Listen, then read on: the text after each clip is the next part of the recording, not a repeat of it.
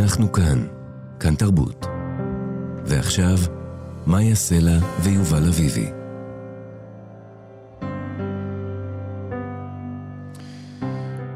שלום וצהריים טובים, אנחנו כאן, מאיה סלע ויובל אביבי עם מה שכרוך, מגזין הספרות היומי של כאן תרבות. אנחנו כאן בכל יום ב-12 בצהריים בשידור חי, ואתם מאזינים לנו ב-104.9 או ב-105.3 FM.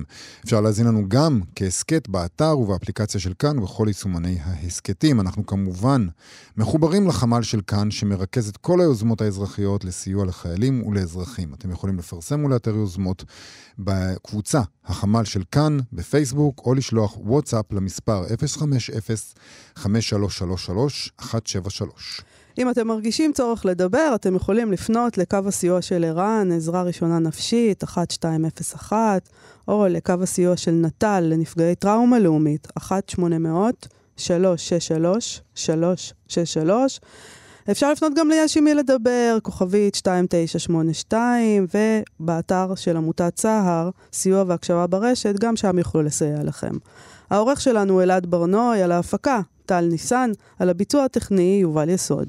אנחנו מעדכנים אתכם שמחר אה, אנחנו לא נשדר, יהיה כאן אה, שידור מיוחד בכאן תרבות. כאן מתגייסת למען תושבי הדרום, כאן זה שידור מיוחד של כאן ג', כאן תרבות וכאן בוקס, ביחד עם לב אחד, כדי לגייס אה, כספים עבור תושבי הדרום.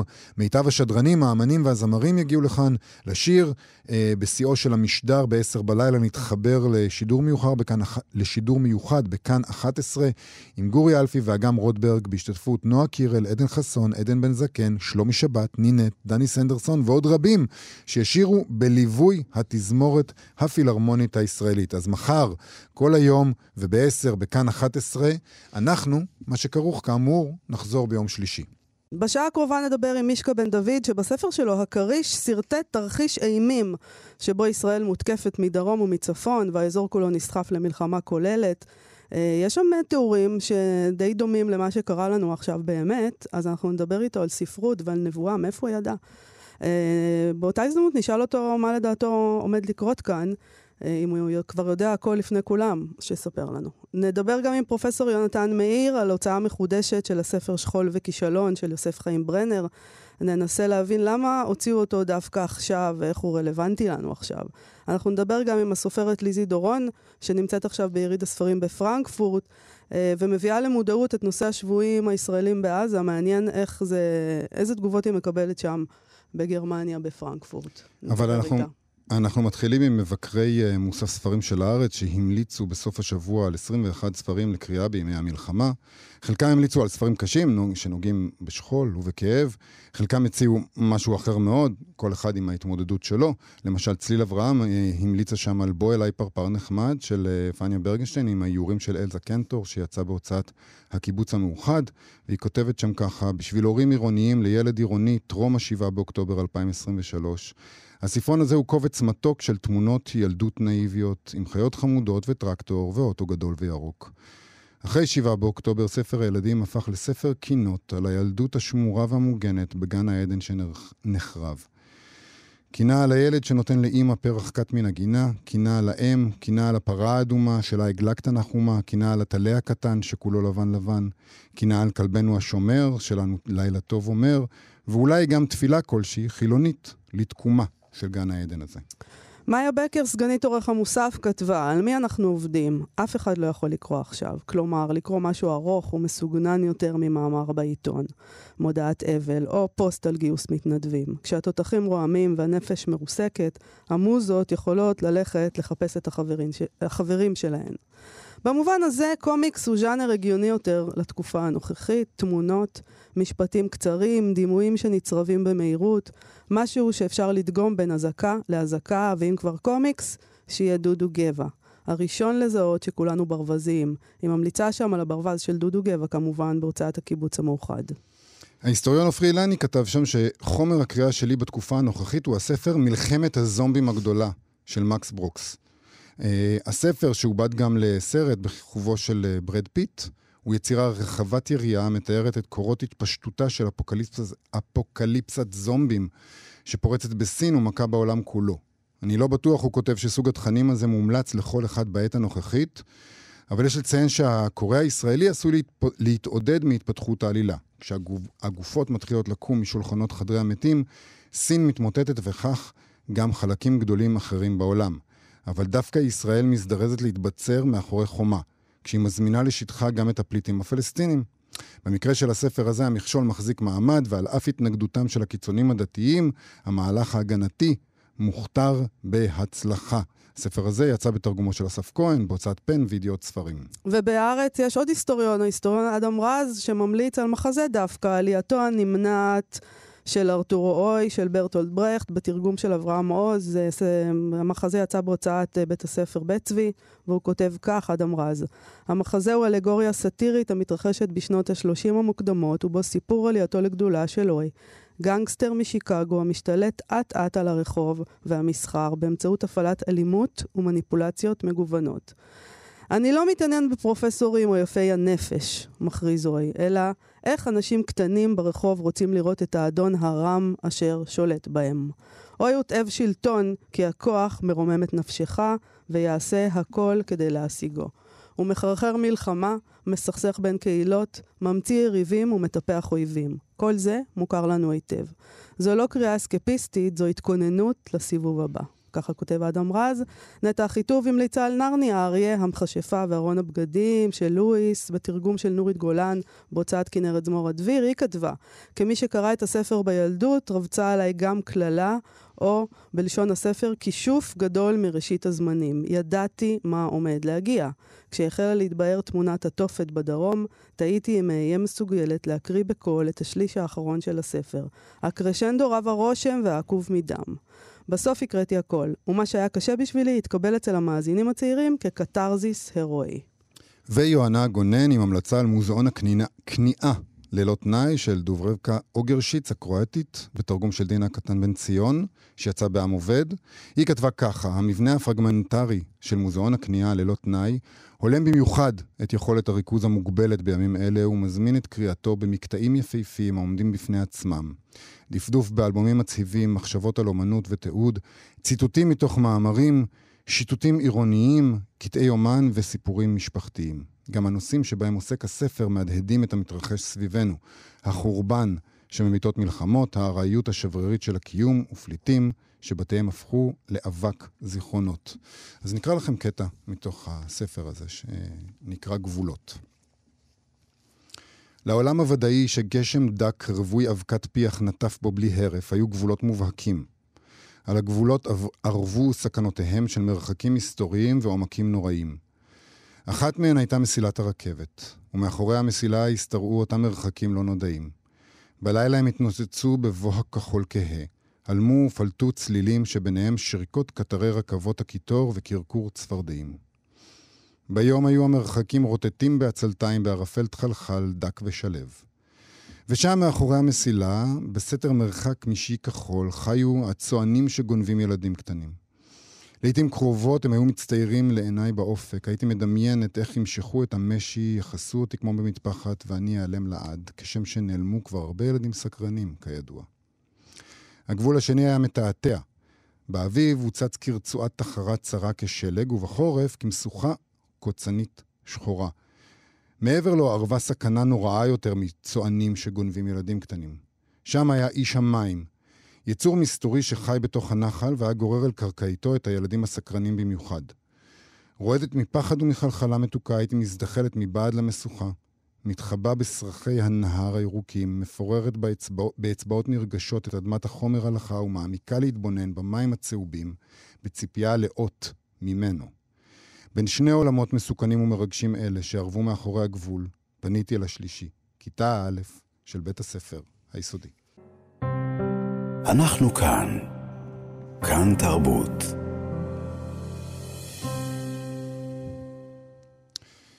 כאן תרבות, אנחנו מה שכרוך, אנחנו כאן איתכם בשידור חי עם שעה של ספרות. אנחנו קוראים עכשיו מתוך הספר הקריא של מישקה בן דוד, שיצא בהוצאת תכלת בשנת 2017. בבקשה לא להיבהל, מאזינים יקרים, זו פרוזה שנכתבה לפני כשש שנים. זו הייתה המנהרה הארוכה ביותר שהחמאס חפר, ומכיוון שעברה מתחת לשדות, איש לא שמע את רעשי החפירה ואיש לא חשד בקיומה. היא לא התגלתה גם במהלך בניית המכשול התת-קרקעי של צה"ל מסביב לרצועה. הפתח נפער מטרים ספורים מעברה הפנימי של הגדר המערבית של קיבוץ כפר עזה, ליד הדרך שמקיפה את היישוב. סמוך לאחד משני הרחובות ההולנדיים המקבילים שבשכונת נאות דשא. אנשי יחידת uh, הנוח'בה, ש... נוח'בה, אני מקווה שאני אומר את זה נכון, תכף נשאל את מישקה, uh, של החמאס, יחידת המנהרות, פרצו ממנה והסתערו אל בינות לווילות הקטנות והמטופחות. 30 אנשי היחידה התפצלו לעשר חוליות שהסתערו כמעט בו בזמן אל הבתים שמשני אברי הרחוב. מטעני נפץ קטנים הוצמדו למנעולי הבתים, מכל כיוון נשמעו הפיצוצים, ומיד אחריהם יריות. בבית השני ברחוב, שבפתחו חנה טרקטור ג'ון דיר ענקי, ולידו אופני ילד, נשמע קול צעקה של ילד מבוהל מקומת המרתף. זה הוא כתב לפני שש שנים. כן. הוא מנבא שם את המתקפה של חמאס, הוא מנבא גם את משבר החטופים, יש שם הרבה חטופים מיד על ההתחלה, הוא מנבא כן. את ההשלכות הבינלאומיות שיש להתקפה כזו, זה שם קצת יותר, איכשהו זה עוד יותר גרוע, כי ארצות הברית לא מצטרפת. אה, מישקה בן דוד, מלבד היותו סופר, היה בכיר במוסד, והדבר הזה בא לידי ביטוי בספרים שהוא כתב, גם בספר הזה. שלום, מישקה בן דוד. שלום, שלום לכם. קודם כל, איך אומרים את היחידה הזאת? זה מציק אותי, אני תמיד טועה בשמות, אז אה, בוא תתקן אותי. אני מניח שגם אני אטעה. אז אה, נשאיר את זה כמו... נשאיר את זה. נוח'בה, נוח'בה. נשאיר את זה עם טעות. ככה אנחנו קוראים לזה, אנחנו, מותר לנו לטעות בשמות. כן, כן. מישקה, מאיפה ידעת? תראי, אחרי uh, מלחמת uh, לבנון השנייה, 2006, יצאתי בתחושה מאוד קשה שישראל, צה"ל, לא מסוגלים להתגבר על החיזבאללה. ו... ואז היה ב-2014 מבצע צוק איתן, אה, שבו בין השאר גם אה, ליד הבית שלי נפל טיל והיו הרבה נזקים. אז יצאתי בהרגשה עוד יותר קשה שגם על החמאס, שהוא ארגון הרבה יותר קטן מהחיזבאללה ושמרוכז בתא שטח הרבה יותר קטן, צה"ל לא מצליח להתגבר. וחשבתי מה יהיה אם נצטרך להילחם בשתי החזיתות האלה יחד. אה, וכמובן בינתיים היו עוד כל מיני אירועים עם ערביי ישראל ואירועים בשטחים, וחשבתי מה, מה יקרה אם נצטרך להתמודד ב, בכל הזירות האלה יחד, ולא הרגשתי שמישהו בהנהגה של מדינת ישראל לוקח את זה בחשבון, וגם לא הרגשתי שבציבור אה, יש תפיסה שהדבר יכול לקרות, והציבור נשאר נהנתן נהנתן, וכל מגזר רוצה למשוך לכיוון שלו ולקבל יותר כספים לכיוון שלו.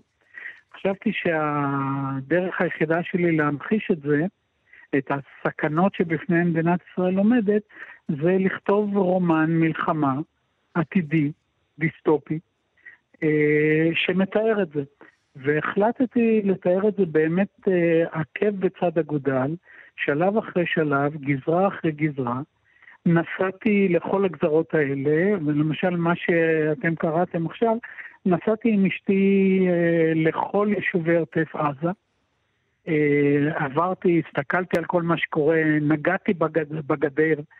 אה, והתרשמת ו... אז, זה היה כבר שש שנים, זאת אומרת, לפני שש שנים יצא הספר, אז בטח לפני זה עוד נסעת לשם, והתרשמת אז שלא שומרים עלינו כמו שצריך שם?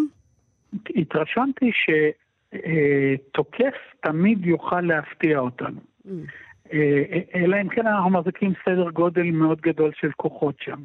ובחרתי את המקום המדויק, כמו שקראת, אה, ש, שמשם אה, יצאו אנשי הנוח'בה ויתקפו את הבתים, בחרתי את הבית ש, שאותו הם יתקפו ראשון וכולי. עשיתי אותו דבר אחר כך, אגב, בנסיעה לאורך היישובים בגבול הצפון, בכביש הצפון הצפוני יותר.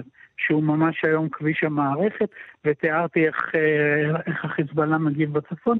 וחשבתי שאם זה יהיה מאוד מאוד מוחשי, ואני אתקדם אה, בצורה אה, משכנעת, שלב אחרי שלב, אני אוכל גם לסחוף את הקוראים איתי להבנה שהדבר הזה עלול לקרות.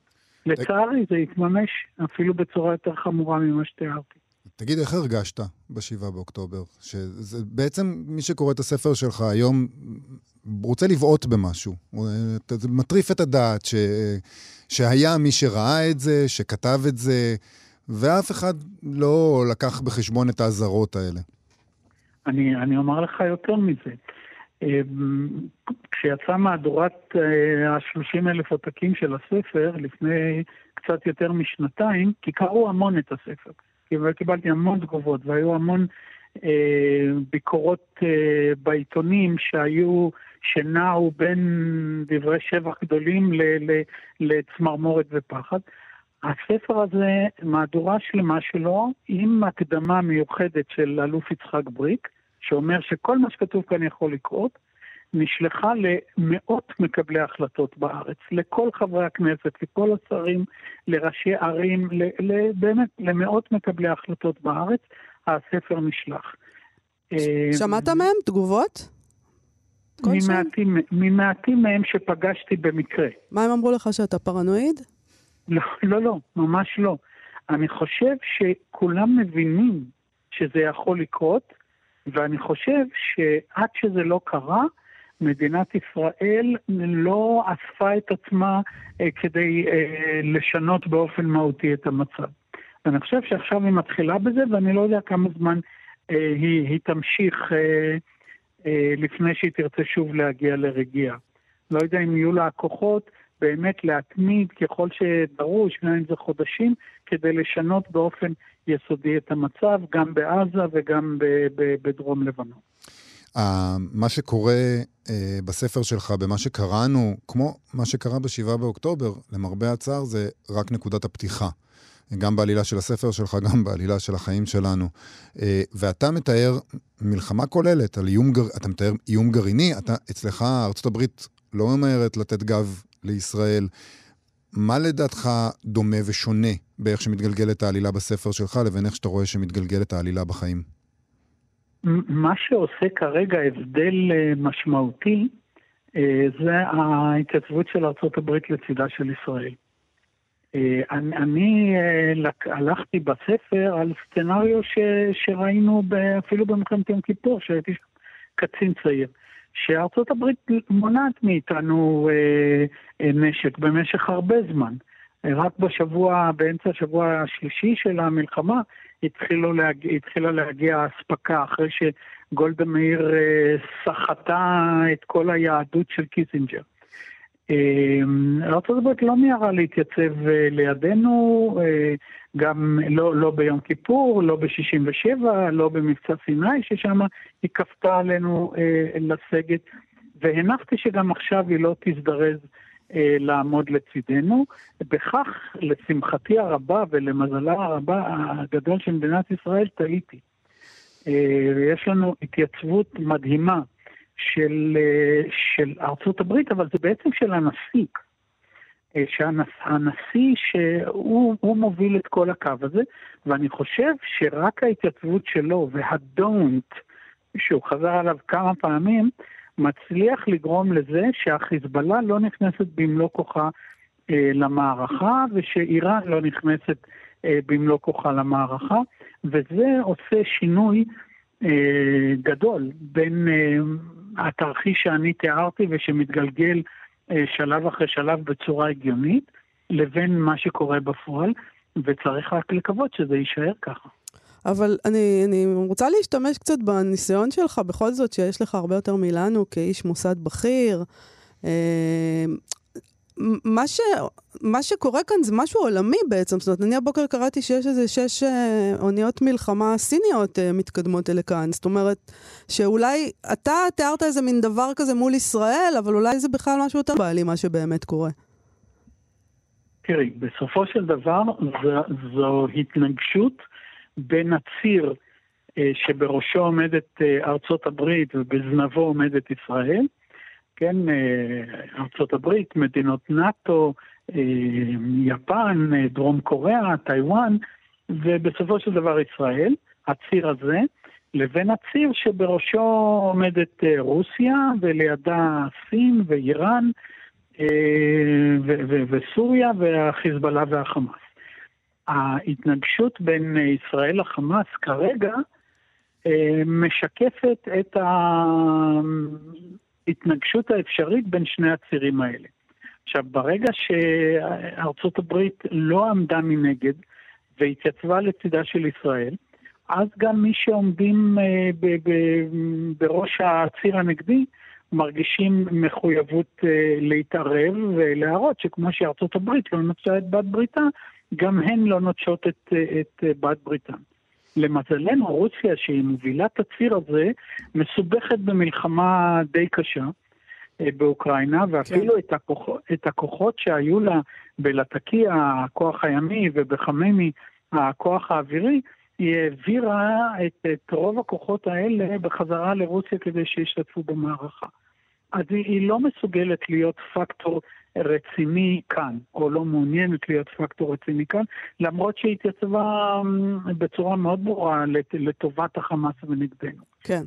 אז, אז אחרים בציר הזה מנסים לעשות את, את, את מה שהם יכולים. אנחנו רואים את המופע הזה בעצם, אתה אומר, המופע של המעצמות. אה, אז ת, אולי לסיום, תן, איך זה ייגמר כל הדבר הזה? אני יכול להגיד לך איך אני חושב שזה צריך להיגמר. אוקיי. Okay. אני, אני חושב ששתי אסטרטגיות נפלו כאן. נפלה האסטרטגיה שליוותה אותנו עד מלחמת יום כיפור, שאמרה שאנחנו נערכים לפי הכוונות של האויב. היא הוחלפה באסטרטגיה שאומרת, את הכוונות של האויב אף פעם לא נדע עד הסוף, אז אנחנו נערך כאן לפי היכולות של האויב. וגם האסטרטגיה הזאת התמוטטה לגמרי. כי ידענו בדיוק מה היכולות של החמאס, ידענו שיש לו את 5,000 אנשי הנורבה ועוד 10,000 אנשי גדודי זדין אל-קסאם, ויש לו הרבה מאוד יכולות, וכמובן אה, בין 10 ל-15 אלף טילים ורקטות, ועדיין נשארנו את עוטף עזה מופקר לגמרי. זאת אומרת, כן. לא התייחסנו לא לכוונות ולא ליכולות. ואני חושב שמה שאנחנו צריכים עכשיו זה לנקוט באותה מדיניות שארצות הברית ורוסיה נוקטות כבר 60 שנה, מה שנקרא באנגלית נימבי, Not in my backyard. Mm. אה, כשארצות הברית פלשה לקובה, זה היה כי הם אמרו, לא יקום שלטון קומוניסטי פה במפרץ לידי.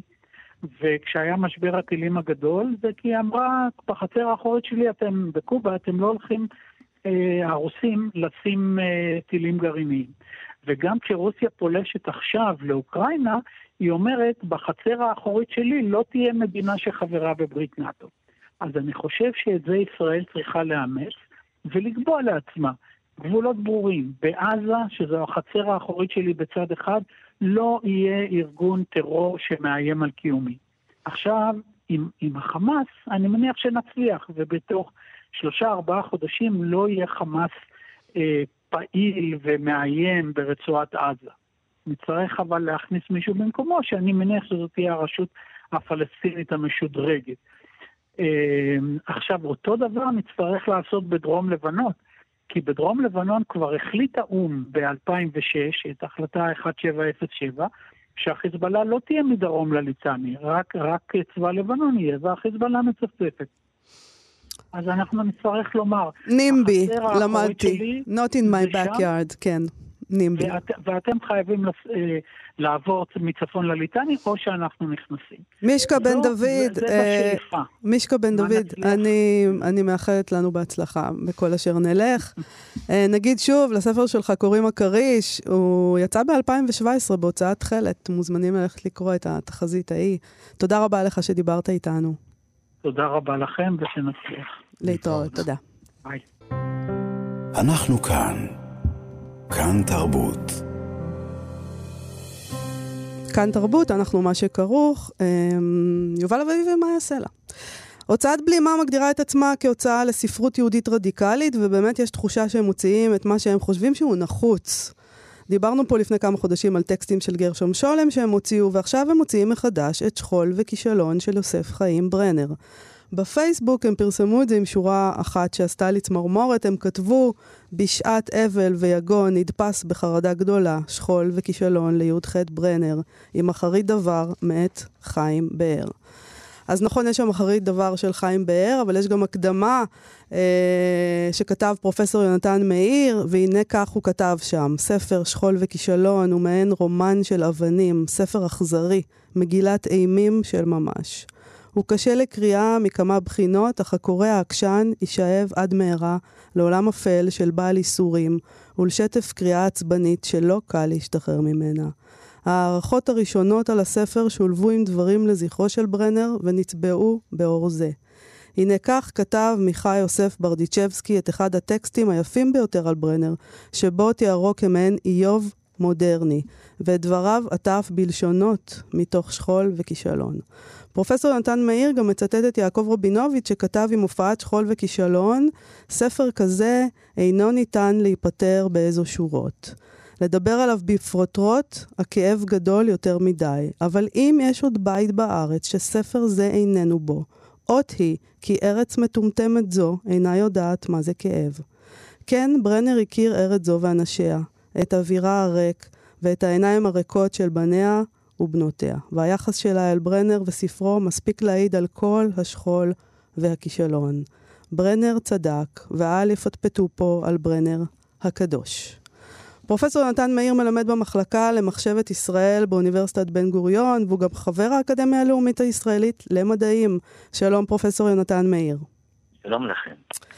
Uh, אתה מצטט בהקדמה שלך גם, אני אגיד, את ברוך קורצווייל, שכתב שהספר הוא התחנה האחרונה של קיום יהודי אבסורדי, ספר שהוא המשפט הרציני ביותר שנעשה ליהוד, ליהדות, שאינה מסוגלת כבר להעניק אמונה ליהודים. Uh, אתה כותב, אין פלא שמרובה המחקר על הספר, אך מעטים הם אלו שקוראים אותו בימינו. על כן, נתעוררנו להדפיסו מחדש בירושלים, בבחינת זיכרון, מחאה ותוכחה. אבל אני מניחה שאתם לא צפיתם את מערכות, אז החלטתם על זה לפני ה-7 באוקטובר. בוודאי, אנחנו... אה, ספר כזה לא נעשה ביום אחד. נכון. אז למה החלטתם להוציא את הספר הזה? הספר הזה הוא קודם כל קלאסיקה של הספרות העברית. הוא ספר טרגי בכל מובן שמסתכלים עליו. הוא ספר טרגי משום שברגע שהוא נתפס לראשונה ב-1920, איש ממש לא קרא את הספר אלא בהקשר של רצח ברנר שנה מאוחר יותר. זאת אומרת, כבר קראו את זה לאור מה שקרה לו, כן. אז לא הבינו את הספר. הספר הוא היה כל כך יוצא דופן, משום שיש שם ביקורת אדירה על החברה המתהווה היהודית, המתהווה בארץ ישראל. יש שם ביקורת חריפה מאוד על הציונות. יש שם ביקורת חריפה מאוד על רטוריקה של ציונים, על רטוריקה דתית, זה ספר אפל לחלוטין. והוא נועד מלכתחילה ליחידים, ליחידי סגולה, וגם עכשיו הדפסנו אותו לא עבור רבים, אלא עבור יחידים. אני אפילו התלבטתי להתראיין, משום שמי שצריך לקרוא כבר יודע שהספר נתפס ומשיג אותו. Mm. תגיד, מדוע הגדירו ככה את הספר, כמו שמאיה קראה, כפי שאתה כותב בפתח הדבר שלך? מה יש בו? שאף, מה, בדיוק, מה בדיוק הופך אותו ל, ל, לספר אה, אימים, מגילת אימים, כמו שאתה כותב? הכותר קצת מטעה. הבעיה שברנר כתב את הרומן הזה במשך חמש שנים, מ-1913 עד 18, בניגוד לספרים אחרים שהוא כתב מאוד מהר. זה ספר ארוך, והוא התלבט רבות גם בעיצוב וגם בשם. והשם שנבחר זה שכול וכישלון, או ספר ההתלבטות, אבל היו שמות הרבה יותר יפים. ספר הפרפורים, תולדות נפילה אחת, זיבולה בתרייתא, מתוך האפר, שמות מאוד... אה, אבל מה שהוא מתאר פה, וזה הייחוד בספר הזה, הוא מתאר את הווייתו של בחור צעיר שבא למושבות כפועל, אבל משתגע. ובתוך השיגעון הזה הוא נשלח לירושלים, לבית חולים. הוא נפגש שם עם משפחה של משכילים תורניים, בני משפחתו, הוא גר שם תקופה, והוא רואה את ירושלים בכל ניוונה, בכל עליבותה, והוא לא עוטף את הדברים ברטוריקה פומפוזית של חייה. הוא לא עוטף את הדברים באיזשהו אה, אמונה באלוהים המרחם או גואל, אלא הוא מציג אמת ערומה. והדבר הזה הוא, הוא יוצא דופן בתקופה הזו. זו מחאה אדירה כנגד כל הפומפוזיות של השיח הציוני בין הזמן. במובן הזה הוא רלוונטי מאוד היום, כי אנחנו שומעים הרבה מאוד אה, שיח שהוא גרנדיוזי. שיח שהוא אמ, נוגע בנו, אך לא נוגע בכלל. אנחנו שומעים היום הרבה מאוד אה, גנרלים שמדברים על תכסיסי מלחמה. כן, זה, זה השפה הרווחת. ברנר מציג כאן קול של אדם יחיד. הסבל של עולם ללא אלוהים, הייסורים של אדם, כמובן גם הייסורים אירוטיים של אדם, והוא רואה את המציאות הארץ-ישראלית באופן אחר לחלוטין. הדיכאון ניכר בכל עמוד. אתה רואה התלבטויות של תאיר על גבי דפים על גבי דפים, חלומות שלו, ייסורים שלו, בלי שום קשר למציאות החיצונית הפוליטית. תגיד, אני רוצה לשאול אותך, אתה כותב את זה גם כן, הספר שלך, קש... הספר הזה, קשה לקריאה מאוד. והוא כתוב אחרת ממה שאנחנו רגילים בימינו, מעבר לעובדה שאנחנו קוראים אחרים, הוא פשוט, הוא, הוא היה קשה לקריאה גם לבני התקופה שלו, אבל האם אתם עושים משהו כדי להתאים אותו לקוראים בני זמננו? לכן אני עברתי בפתיחת דבריי שזה ספר ליחידים. איננו מיועד לכל אחד. מי שרוצה לצלוח את זה, צולח את זה. אבל זה גם האידיאולוגיה של ספרי בלימה. אנחנו איננו מאמינים, אם אני יכול להשתמש במילה אנחנו, כי הרי אני לא בעל ההוצאה, אלא יוסי שוויג ואבינועם סטילמן, אינם מאמינים במונח שהשתרש מאוד בתרבות הישראלית, הנקרא הנגשה. אנחנו לא רוצים להנגיש ספר, אנחנו רוצים כדי שאנשים יתאמצו לקרוא. אז עושים הקדמה, עושים אמ, אחרי דבר, פה של חיים באר, אבל מביאים את הטקסט גם כלשונו, היינו בכתיב שהיה. אנחנו עושים בדיוק ההפך מהנגשה. אנחנו רוצים לשמר את הכתיב המקורי, את הסגנון המקורי, ללא הערות, ללא תיקונים. אם יש משהו לא מובן, אפשר ללכת לאינטרנט. נכון. אפשר. לא מעט נכתב ונחקר ברנר. אפשר באמת למצוא את זה שם. אני רוצה לחזור לשאלה הראשונה שלי, פרופסור מאיר, כי אתה כתבת, נתעוררנו להדפיסו מחדש בירושלים בבחינת זיכרון, מחאה, תוכחה. אה, מאוחר מדי אולי, אה, זה קצת הגיע אלינו, אבל אני רוצה לדבר על המחאה והתוכחה והזיכרון. מה רצית להגיד לנו בעצם בהדפסה של, של שכול וכישלון עכשיו? לא, לא כל דבר אני חייב לבאר, אני גם יכול לכתוב דברים שיישארו סתומים, נכון? נכון. אבל אם, אם בכל זאת להוסיף רבע רמז בבקשה. למשפט הזה שאני אה, כתבתי, אני חושב שהספר אה, הזה, אה, או בכלל את ברנר, אי, אי אפשר לקרוא ללא הפובליציסטיקה שלו, בלי המאמרים שהוא מפרסם במקביל. כן. ברנר כאיש ספרות זה דבר, זה לא דבר מנותק מהמאמרים שהוא כותב, ורואים הרבה פעמים את הזיקה. ובארץ ישראל ברנר כותב מאמרים חדי לשון כנגד הציונות שנגלית לפניו, כנגד אנשים שבאים עם רטוריקה דתית, כנגד אנשים שמדברים על המרטירולוגיה שלנו, על העבר המפואר שלנו, הוא מאוד מתנגד לזה, הוא רואה ביהדות אה, ניוון, הוא רואה בעם היהודי עם של צוענים. הוא כותב במקום אחד, איך נהיה אנו ללא אנו. כן, זאת אומרת, הוא רוצה ליצור דבר מה חדש. במובן הזה, הספר שלו, גם הרומן, גם המאמרים שחלקם כונסו גם בידי ספרי בלימה בשנה האחרונה, בשני כרכים, הם מחאה אדירה כנגד הציונות המתהווה, והיא רלוונטית בדיוק כמו אז, היום. פרופסור נתן מאיר, נזכיר, שכול וכישלון של ברנר יצא בהוצאת uh, ספרי בלימה. תודה רבה לך על השיחה הזאת. תודה רבה לכם. להתראות. להתראות. אנחנו כאן. כאן תרבות. כאן תרבות, אנחנו כאן, ואנחנו גם מה שכרוך. הסופרת ליזי דורון נמצאת בימים אלה ביריד הספרים בפרנקפורט. ראינו שם, היא מעלה את זה ברשתות החברתיות. היא עוסקת בהעלאת המודעות לנושא השבויים שלנו שנמצאים בעזה. שלום ליזי דורון. שלום רב. ליזי, את סופרת מוכרת מאוד בגרמניה. אה, מכאן לפחות, מישראל, נראה שהיחס של אירופה לסוגיה הישראלית-פלסטינית מאוד לא אוהד כלפי ישראל, לפחות מהצד של העם. יכול להיות שהממשלות אה, לצידנו, אבל אה, המחאות שם מאוד מאוד או אקדמיה, ווקליות. או האומנים, כל נכון. מיני דברים מעניינים. איך זה נראה מהצד שלך שם? קשה לי כל כך אה, להתייחס למה שאתם אומרים, כיוון שאני חווה חוויה אחרת לגמרי. אה, אני נמצאת ביריד הספרים אה, בפרנקפורט. אני בימים של הוצאת ספר חדש, שבעצם זימן לי את האולי מתת חסד לדבר קצת על המשפחות של החטופים ועל החטופים ועל המצב בישראל.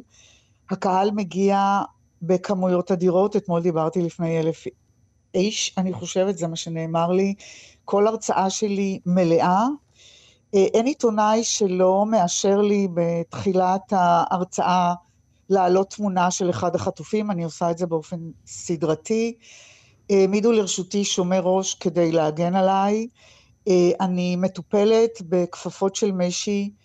אה, אני מתקבלת ב... מחיאות כפיים, רמות. אני גם מקבלת פניות של אה, פוליטיקאים ואנשי ארגונים חברתיים, אז יכול להיות שאני באיזשהו באבל בתוך הסיפור הספרותי, בתוך איזשהו עולם שהוא אולי מנותק מבחוץ, אה, אבל זה מה שאני יכולה לתאר לכם מהחוויה שלי. מאוד משמח, אבל נגיד, אה, העובדה שהצמידו לך שומר ראש, למשל, אז אני אומרת לעצמי, למה את צריכה שומר ראש? מכיוון שהייתי ביחד עם סלמן רושדי, מכיוון שהייתי ביחד עם סופר איראני, והחוויה הבאמת מעצימה זה שבעצם אני והאיראני הולכים יד ביד. ורוב הקבוצות שמאיימות עלינו, נכון למה שאני יודעת ולהסברים שקיבלתי, אה, זה בעצם אה, מקבוצות אה, פרו-פלסטינאיות פה בגרמניה, והתמיכה שאני מקבלת היא מהגרמנים. כך שאני לא יכולה לתת לכם איזשהו מצב רחב יותר על מה שקורה. אבל הסולידריות בתוך האינטלקטואלים והפוליטיקאים וחבריי, אני כבר עשרים שנה חיה בין תל אביב לברלין, וחבריי הגרמנים והקוראים שלי, שמגיעים באמת באלפים, ואני אה, קצת נבוכה אה, מלספר את זה, ואני גם מקווה שאני לא מגזימה, אבל הם עומדים בתור ללחוץ לי יד, אה, להגיד שהם ידאגו לנו, להגיד שהנקודה של החטופים חשובה להם. אני מבקשת מהם להרים את קולם, לפנות כאן לבונדסטאג, אה, לדבר על זה, שישמעו את זה, זה סיפור אנושי. הם מבינים טוב מאוד סיפור של ילד חטוף, משפחה חטופה, סבא וסבתא חטופים. אני מרגישה שאני מוצאת איתם איזושהי אה, שיחת עומק אה, שמרפררת לעבר, ומאוד מכאיבה בהווה. אגב, מהרבה מאוד שמעתי גם שהם מבינים שם גם שאירופה גם בסכנה. אנחנו מעין מעבדה שמספרת איזשהו סיפור של קבוצה טרוריסטית, אייסיס, פונדמנטליסטית, נאצית, ויש לי הרגשה שהאנשים שאיתם אני בקשר מבינים את הסיפור שלי גם מתוך הפחדים והעולם שלהם. כן. ליזי, את הזכרת שפגשת את אה, סלמן רושדי, הסופר אה, המפורסם. לא פגשתי, לא נתנו אה, לנו להיפגש. לא נתנו לכם להיפגש, אה, אוקיי. למה לא, לא נתנו לכם להיפגש? היינו צריכים לעמוד על הבמה, כל הסופרים שזכו לי לכבוד, להיות בגאלה של יריד הספרים, זה שישה סופרים מכל העולם, ואני ביניהם. אגב, מייצגת את הגרמנים. כן. כי נכון לשנים האחרונות אני סופרת גרמניה, למרות שאני כותבת בעברית ואני לא מדברת מילה בגרמנית, והיינו צריכים להיות בפאנל משותף, אבל בגלל המצב, אה, נפלה החלטה שמאוד אה, הכאיבה לי, כי חשבתי שלפחות בעולם הספרותי נרגיש מוגנים, שבעצם כל אחד ואחד יעלה בנפרד ולא ניפגש. זאת אומרת, שסלמן רושדי ירד מהבמה, אה, עלה הסופר האיראני, שהסופר האיראני תשמעי, רושדי, ירד מהבמה. רושדי אכל אותה כבר, אז אה, את יודעת, אנחנו כבר יודעים כן. שהעולם הזה שלכם הוא עולם מאוד מאוד פגיע. אה, בטח כן, אבל אני עכשיו... רוצה להאמין, את יודעת. אה, נזכיר אולי למי שלא יודע שסלמן רושדי עבר התקפה אה, ב- מאוד מאוד אה, פומבית בת- באירוע שהוא השתתף בו על נכון, הבמה. נכון. דקרו אותו, אה, אפשר רק להניח שזה בגלל... אה, היה איראני, אה, כן. בגלל- כן. כן, כן, בגלל- זה היה, כי הוא בגלל בעצם פסוקי נגד השטן האסלאם, ש- הוא פגע באסלאם. לא חייבים להניח, זה פשוט ככה, ממש. נכון. כן, זה ככה. זה ככה. אה, אז אני רוצה, אנחנו מדברים הרבה על, אה, על אה, פגיעה. את לא חוששת מפגיעה, נגיד, בציבוריות שלך בגרמניה, בגלל הפעילות שאת עושה עכשיו, בגלל חוסר הפשרה שאת עושה, בגלל שאת לא מסתתרת? זאת אומרת, זה משהו שבכלל לא מטריד אותך. לא, לא. אני חושבת שזה לא רלוונטי. אני חושבת שלסופר, בעיתות מצוקה שכאלה, יש גם איזושהי עמדה מוסרית שהוא חייב לעמוד איתה מול הקהל. די נדהמתי שאין אף סופר ישראלי אחר. גם ניגשתי לדוכן הישראלי שפעם היה שוקק חיים, ואני אה, רוצה לספר לכם בכאב שיש שם רק פלקט, אין אף איש, Mm. אין בעצם לא ספר ולא דוכן. והמשכתי ללכת, וגם הדוכן הפלסטיני היה תוסס יותר משלנו, הסורי היה תוסס יותר משלנו, ואם אני אלך על מטאפורות כסופרת, זה נראה לי שם בפרנקפורט שישראל מתה, לפחות מבחינה ספרותית, ואחרים קמו לתחייה, זה לא נראה כך. אני כבר, אני חושבת שאני כעשר שנים אה, אנחנו לא מתים, אנחנו פשוט כואב לנו, אבל אנחנו נחזור. אני מדברת על מוות ספרותי אני יודעת, מסוים, אני או על. קול ספרותי. רק אה, קחו אותי, מדברת מטאפורות. טוב, אז זה, זה, זה היה רגע מאוד מאוד כואב לראות את הדוכן הישראלי ריק, ואת המסביב שחי ותוסס יותר מאיתנו. זה היה קשה מנשוא. אנחנו נשוב, אנחנו נשוב. ליזי דורון, תודה רבה שהיית איתנו בשיחה הזאת. תודה רבה. מחכה לשובכם שובנו. תודה להתראות. לכם. להתראות. ביי ביי. עם זה אנחנו uh, מסיימים להיום. Uh, אנחנו נגיד תודה לעורך שלנו, אלעד ברנוי, וגם לטל ניסן שהייתה עמנו על ההפקה, וליובל יסוד על הביצוע הטכני. נגיד לכם שאחרינו יש פרק מההסכת איך ממשיכים, בשתיים גדי לבנה עם רגעי קסם, וגם אנחנו מזכירים לכם שמחר יש יום שידורי מיוחד של כאן. Uh, אנחנו, גם כאן תרבות משתתפת, משדר מיוחד שנערך ביחד עם לב אחד כדי לאסוף כספים עבור תושבי הדרום. שדרנים, אמנים וזמרים יגיעו לכאן לשיר, אה, ובשיאו של המשדר ב-10 בלילה גם נתחבר לשידור מיוחד בכאן 11 עם גורי אלפי ואגם רודברג. אה, אנחנו. אז לאורך כל היום, וב-10 בכאן 11 אנחנו כאן מתגייסים למען תושבי הדרום. זאת אומרת שאנחנו, אה, מה שכרוך, מה יעשה לה ויובל אביבי, נחזור לכאן ביום שלישי בשעה 12. בעזרת השם, להתראות. להתראות.